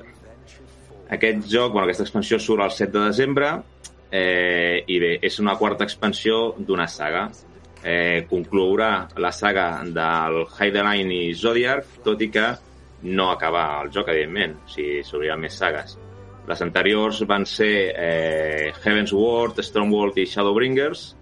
Aquesta segueix molt, molt eh, el que va ser la de Shadowbringers, que potser va ser la més, la més contundent, i seguint aquesta normativa a continuar una sèrie de dinàmiques de fer una cadena de missions segons el rol de, en comptes de tenir per uh, les missions per la classe.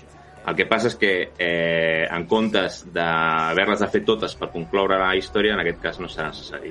Podem anar, podem saltar-nos aquestes missions secundàries que moltes vegades fan que sigui més tediós el joc pel fet de que són molt repetitives a vegades i tot això. Però bueno, el que incorpora aquesta nova expansió doncs són dues classes noves de personatges. Surt un que és el Sage, una mena de savi, que és un altre personatge que pot guarir o curar els altres. En aquest cas ho fa protegint. És un d'aquests, és un com un curander, però en aquest cas ho fa amb escuts. Té unes armes que es diuen els Knowlits, que són quatre espases que mou amb màgia d'Ether, i, bueno, i té la capacitat d'augmentar temporalment eh, els poders màgics. L'altre personatge és el Reaper, o el Segador. Aquest és un, un guerrer més de cos a cos. Eh, bueno, I a banda de ser bastant potent i fort, que fa molt de mal amb la dalla, disposa d'un avatar, que és una mena d'ésser que invoca eh, i que ajuda en el combat. No arriba a ser com una mascota en el cas que hi ha els, els invocadors, sinó que ho fa només en algun moment de combat. I el segador, en aquest cas, el que pots fer és absorbir el poder d'aquest avatar i encara fer uns atacs molt més poderosos. També han fet un remaster complet de l'invocador, aquest que hem comentat abans, perquè aquest no el volen posar com a personatge nou, però realment li han fet un rentat de cara tan brutal que és com si haguessin un altre personatge. O sigui, han mantingut el nom, però pràcticament és completament nou tot el que, tot el que s'ha fet. I, bueno, i a banda d'això, hi ha hagut altres canvis d'altres personatges, però són molt menys importants. Han fet algunes modificacions de les altres classes de personatge, però són més bàsiques. Després, en tot això... Ai, bé, no sé dir? Ui, acaba, Déu. no, hi hi ha dues races noves, a més a més. És que hem de dir que el món s'ha ampliat, o sigui, han sortit eh, cinc regions noves per jugar, o sigui, és una passada és el vell Charlayan, Labirinthos, Garlemald, Tafnir i Ratzathan. O sigui, són cinc regions per recórrer nou, noves completament. En aquest lloc es apareixen dues races noves la, els vieres, que d'aquestes s'han fet almenys, sabem que hi ha dos gèneres, són una mena d'éssers homínids, però amb unes ulleres d'aquesta, orelles de, de conill, molt típic dels animes i els mangas, i l'altre són uns tal que s'anomenen els Rodgar. No sabem gaire d'ells, només se les han anomenat. Uh, arran d'aquestes regions noves i les races també surten dues, dues tribus noves, que són els Arcasodara i els Loporrits, que entenem que seran dins d'aquestes regions.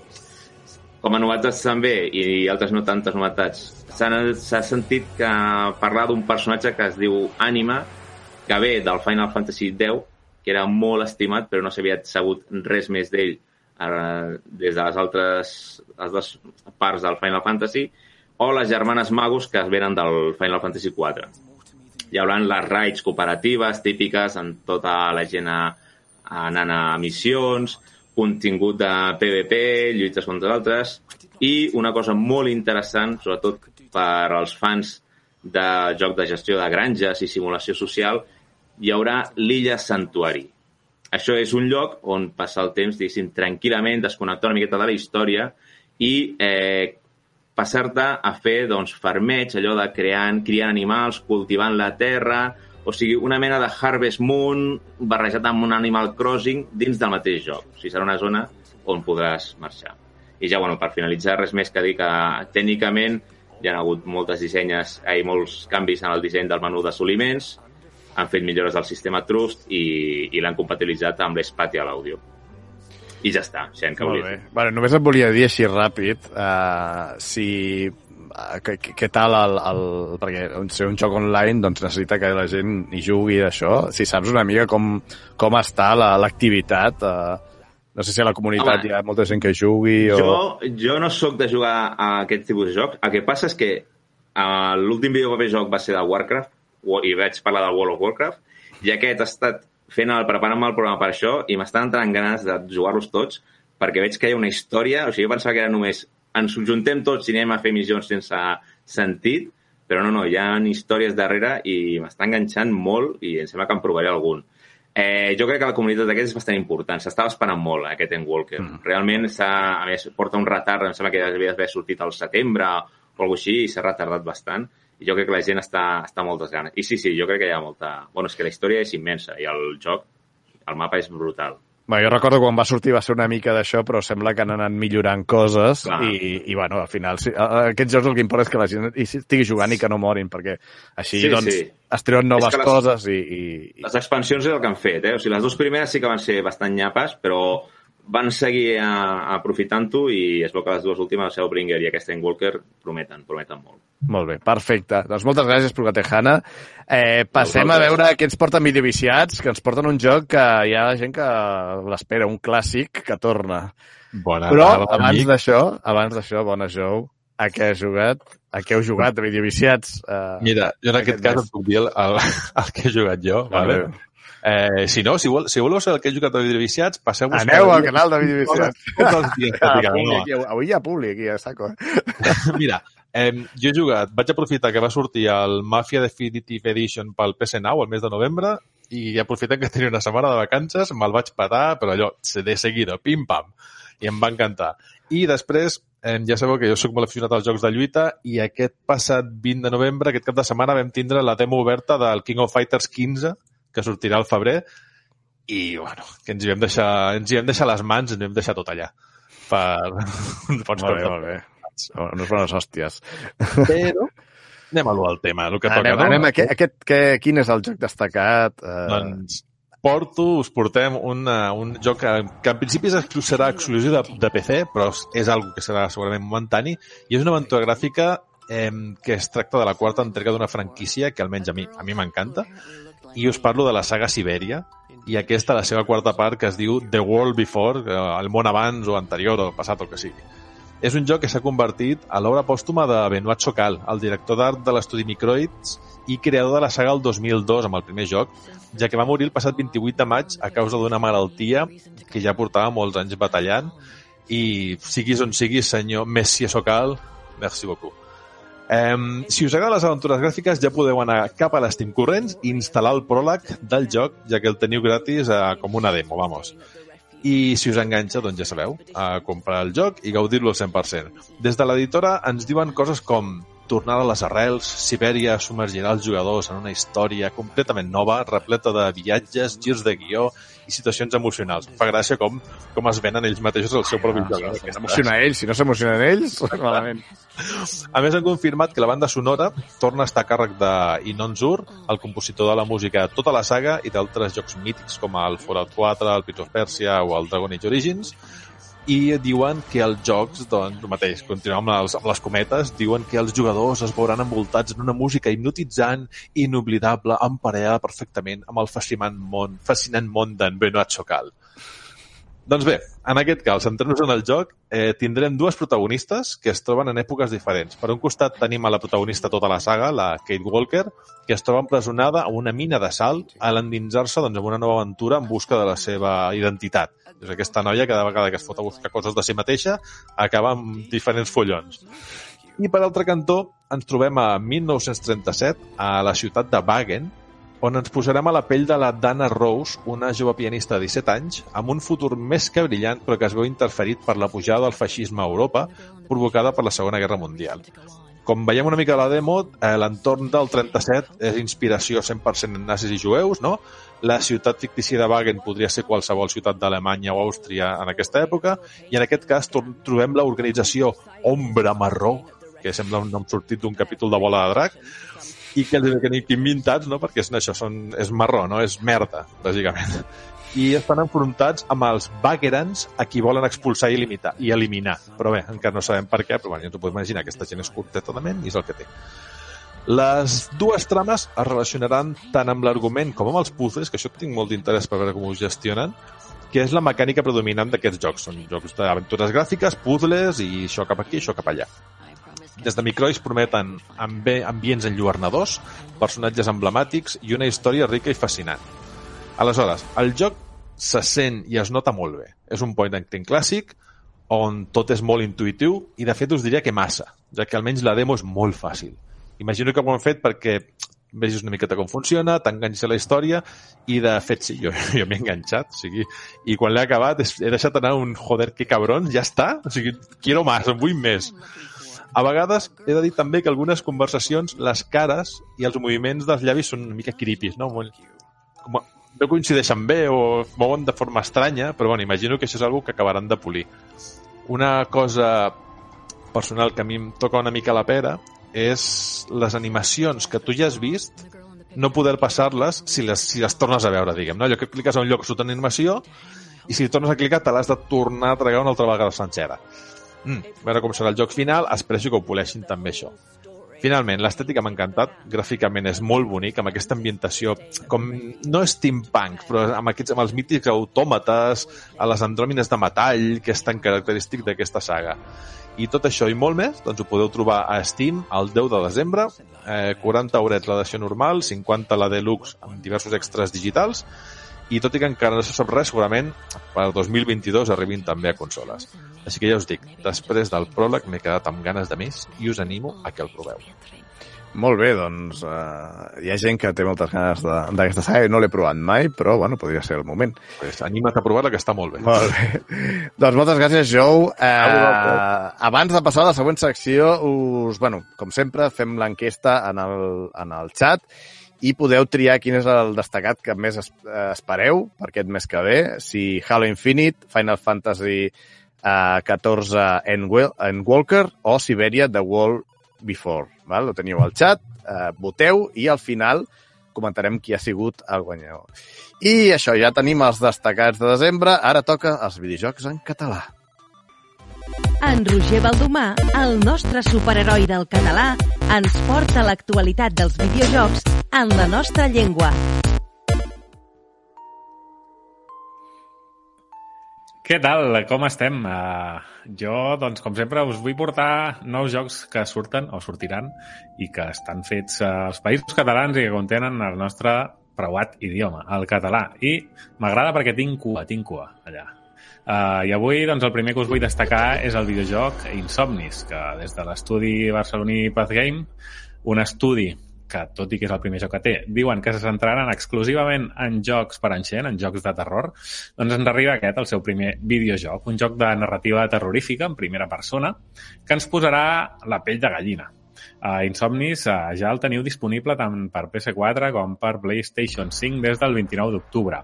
Uh, va ser un dels jocs que es va doncs, acollir al programa de PlayStation, PlayStation Talents, que tan bona feina està fent amb els estudis independents de casa nostra. I ben aviat també el podreu gaudir a Steam.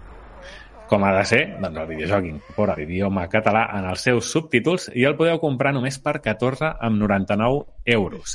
I si voleu saber-ne més, eh, podeu passar-vos pel canal de YouTube de gaming.cat on eh, no fa, de la, la seva estrena van fer un directe jugant-lo i on pràcticament podreu veure les dues primeres hores d'aquest videojoc. D'altra banda, un altre videojoc que jo no sabia que gent d'aquí de, dels 5 minuts més coneixeria, però que, que m'ha sorprès molt, que la Guf em comentés, hòstia, jo aquest joc l'estic seguint, i és Hack and Slime. Val? Aquest videojoc eh, neix de la col·laboració eh, entre un estudi de Sabadell, eh, Spoonbox Studio, i l'estudi Bulwersoft de Castelló de la Plana. Uh, aquest videojoc s'està coent i és un videojoc de gènere doncs, de repartir a tor i a dret, no? Uh, de fet, el seu nom ja ho diu. És, és a dir, tenim un hack and slash uh, en tota regla, uh, que encara està en desenvolupament, però han confirmat que incorporarà el català i que arribarà a les millors consoles. Això són les paraules dels seus creadors. Evidentment, el que m'han dit és que volen arribar a, a totes les consoles que hi ha i a totes les plataformes doncs, per, per, per, per, vendre'l doncs, uh, per vendre com més còpies millor. Això sí, encara no tenim data de sortida, però uh, aneu-lo afegint a la vostra llista de desitjos d'Steam perquè així doncs, uh, el feu més visible dins d'aquella plataforma i, i arribi a més persones. I dit això, doncs, acabem de veure quina és la realitat palpable de, dels videojocs catalans i en català i ara ens toca anar a la fantasia dels rumors de mans de videoviciats. El rumoròmetre amb videoviciats. Doncs sí, arriba un nou rumoròmetre, ja ho sabeu, la nova secció d'aquesta temporada, els 5 minuts més, on ja sabeu que nosaltres us explicarem tres rumors i, mentrestant, vosaltres podeu respondre a l'enquesta aquí a Twitch en directe de si us els creieu o no. I, hola, Eudi, benvinguda als 5 minuts més. Holi! Primer de tot, qui has jugat aquest mes, Eudi? He jugat al Jurassic World i a Phasmophobia. Bon, bon joc, està... ja, ja t'hem vist molt enganxada amb els dinosaurios aquestes setmanes. Amb els dinosaurios massa. doncs bé, quin és el primer rumor que ens portes? Doncs el primer rumor és el del Sims 5. Com Uh. ja sabem, que el 2018 Maxis va publicar diferents ofertes de feina i després el, el 2019 va canviar de rumb per fer la nova generació dels Sims. I aquí comencen els rumors. Diuen que sortirà el 2023 i que tindrà l'opció d'un sol jugador i multijugador. Ostres. Per fi tindrem el Sims Online com a l'1, però amb gràfics supermillorats i que tot Sims té ganes de jugar. I també diuen que serà... m'estàs dient que no hi ha... Jo no soc molt expert en Sims, que no hi ha cap joc més del Sims Online, dels de l'1? No, no, només van treure un... El, l'1. I Que una fort, mica- molt fort. bueno, pues me- n'alegro que almenys comencin a parlar ja bueno, estem al segle a XXI. l'or- a l'ordinador, clar. Què més? Bueno. Digues, digues. I bueno, també diuen que serà més còmode i flexible a l'hora de jugar i crear. Però tornem a la part online. Creieu que serà pagant com les consoles d'últimes generacions?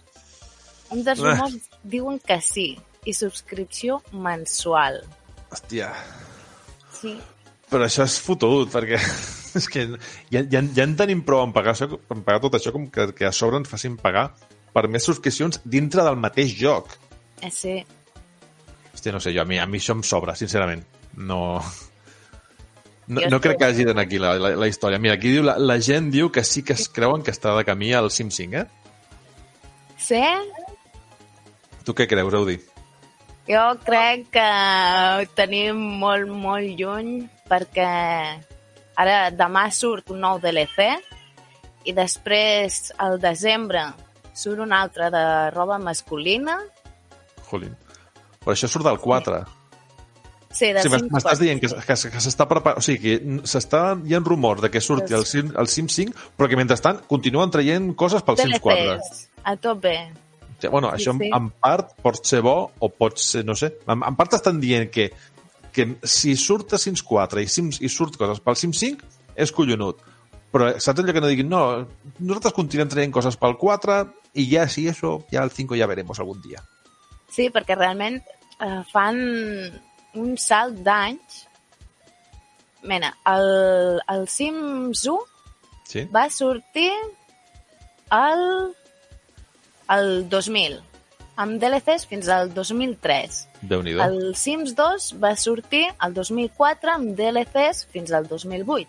I Sims Vale. 3 va sortir el 2009 amb DLCs fins al 2013. I sigui, uns després 4 o el 5 Sims anys sempre de DLCs. Sí, i després el Sims 4, el 2014, encara continuen els DLCs. Portem 6, 6 o 7 anys de DLCs i ara Sí. ja, ja Sí, s'apanyaran. Bueno, doncs tope. sembla que a la web creuen que sí, que ha ha guanyat amb un 75% que sí sortirà. I, bueno, esperem, esperem que surti aquest Sims 5 perquè realment, i que realment millori molt amb el que han fet amb el, amb el 4. Jo el que us vinc a parlar és d'una cosa que avui us agrada molt a la resta de, també de conferències 5 minuts més, i és que, que sapigueu que tenim amb, que, que als amics de Rockstar els està agradant això de, de remasteritzar jocs antics. Perquè després de treure, com ja hem parlat abans, del el GTA Trilogy amb tota aquesta col·lecció de bugs importants de regal, ara ja es rumoreja que també estarien remasteritzant el Grand Theft Auto 4, el que molts consideren realment que és el millor, el millor joc de la franquícia. I és que un anònim a la web d'aquesta de 4chan, on es tiren tot, ala, tienes mierda, oh, echa la 4chan, allà ho llegiré tothom, doncs diu que eh, ha tret tota una sèrie de detalls de com seria aquest nou remaster i concretament ha dit això. Comenta que la data de sortida del GTA 4 Remastered eh, està prevista per l'últim trimestre de 2023. Així que, com heu dit abans, aquest any havíeu de gastar els calés per Nadal amb el Trilogy i d'aquí dos anys el gasteu i aneu estalviant ja pel 4 que han refet tots els gràfics i que els han donat un aspecte similar al de les últimes entregues, com sigui aquesta del Trilogy serà horrible. També han millorat i modernitzat les mecàniques com les del GTA V. També us dic que això ja ho deien del GTA Trilogy i mireu com ha sortit. Em sap greu fer tantes referències. El que hem dit abans, però collons, és, que, és que ha sortit molt malament, collons. La ciutat de Liberty City tindria eh, molta més vida, ja que s'han incluït molt més NPCs i més densitat de vehicles en comparació al joc original. I el remaster aquest de GTA 4 vindria amb uns ous de Pasqua i unes petites croquetes d'ullet fent referència a la nova entrega de GTA 6, que és la que tam també molta gent espera. Aleshores, què esteu dient pel xat? Vosaltres us creu això? Penseu que també creieu, que sí, eh? És que coneixeu ja els de Rockstar, vamos, com si fossin de, de la família. Ja, no, trauran... I tant, que, que si és per, és per fer un remaster i és per portar més calés en fent coses que ja han fet abans, encara que tinguin mil bugs, sí, sí, segur, vamos, és que descomptau que sí. també dic que aquesta filtració eh, parlava d'un altre remaster també, el del Red Dead Redemption, on se, també s'aniria millorant tot gràficament i tindria retocs argumentals i del mapa de cohesions perquè tot quedés més quadrat amb la història que es va comentar al Red Dead, el, el, ho, ho, di- ho diré bé, Red Dead Redemption 2, RDR 2, deixem-ho així i que més sortiria abans que el GTA 4 Remaster, ja que comenta que es llançaria durant la primavera del 2023. Així teniu calés per anar gastant a Rockstar durant tot l'any. Em, ja per acabar, també feia una petita, petita, petita menció al joc de... més desitjat per molta gent, que és el GTA 6, dient que tingueu paciència perquè fins al 2025 res, res. I ara deixeu-me que ara ve la Eudi amb la notícia del hype, no, Eudi, una miqueta? Aquí, Sí. la gent està, "Ii, que- A veure, que a veure, a veure què passarà. Sí. Digues, digues, qui, qui, qui, quin és l'últim rumor d'avui? Doncs l'últim rumor és una de les franquícies més estimades per molts jugadors. Mira, mira, mira.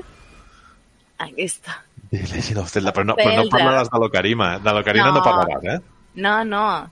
Del Breath of the Wild 2. Breath of the Wild 2. Oh, digues, digues. Què, què ens has de dir d'aquest? Va. Perdoneu el meu anglès. doncs que arribarà algun moment de l'any del 2022.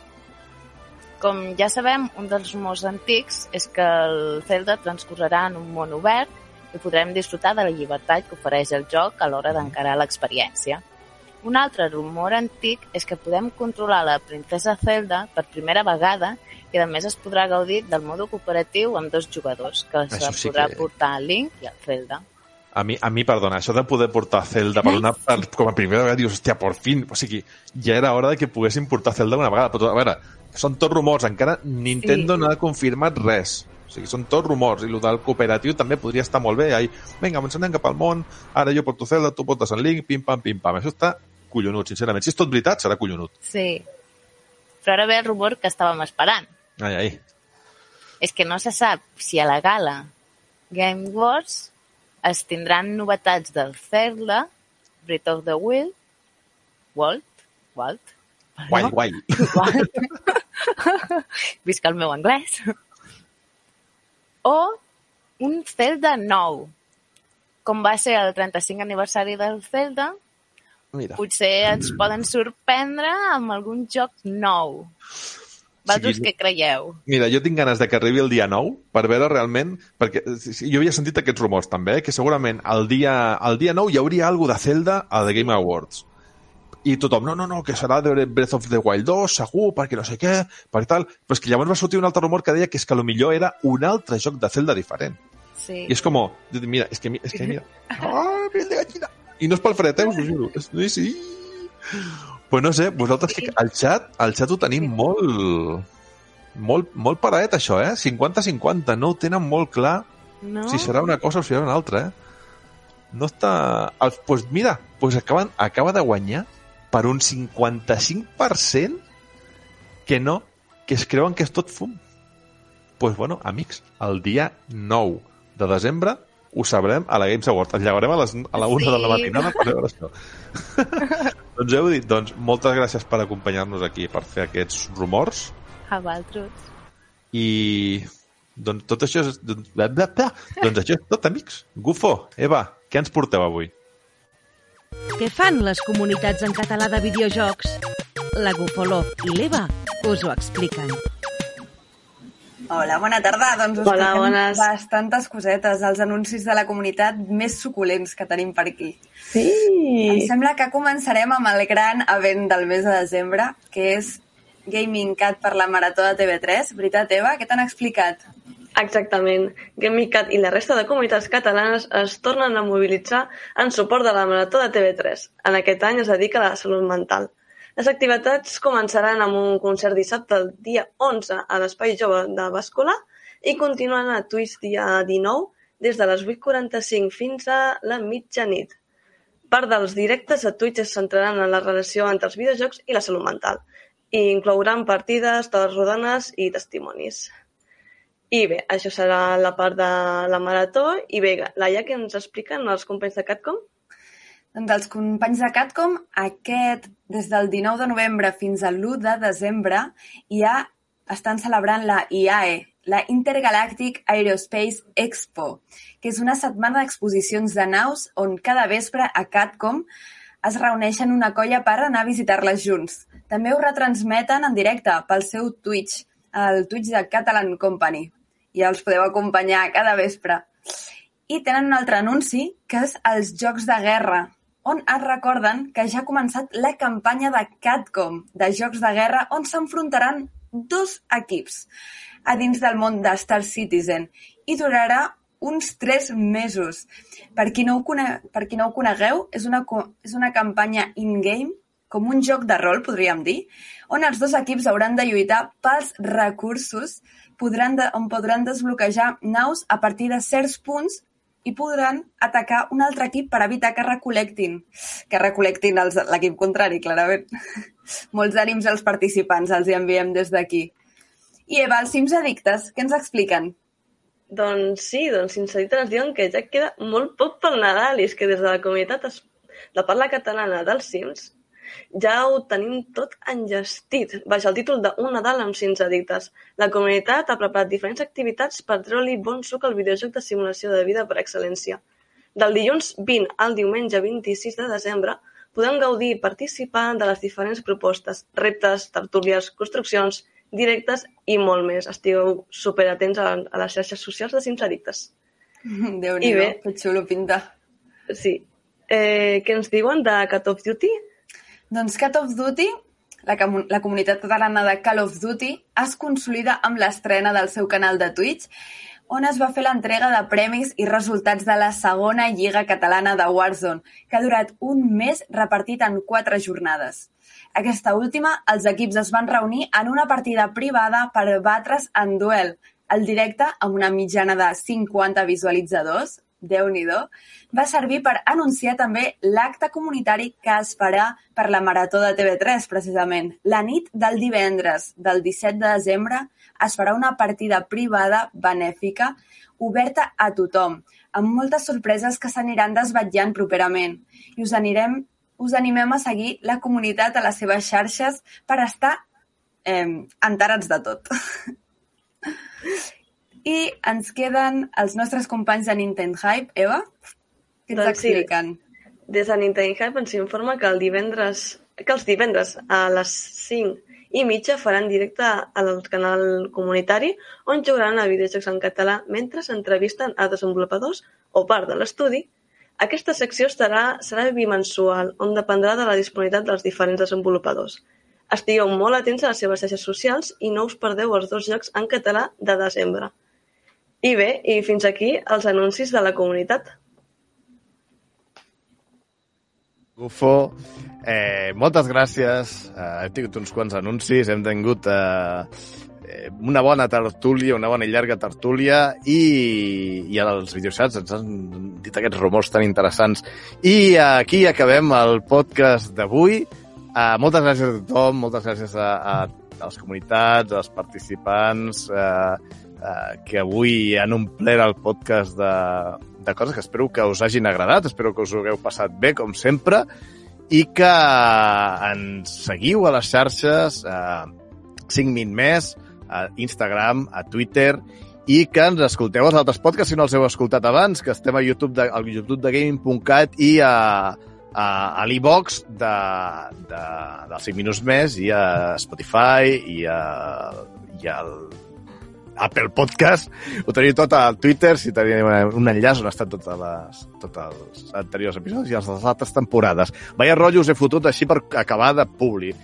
Bé, doncs, moltes gràcies per estar per aquí. Ens veiem al desembre, de Nadal, a prop de Nadal, bueno, després de Nadal, de fet, en principi el 26, així que estigueu atents a les xarxes per veure les novetats que tindrem. Així que moltes gràcies per tot i visca els 5 minuts més. Ens veiem aviat.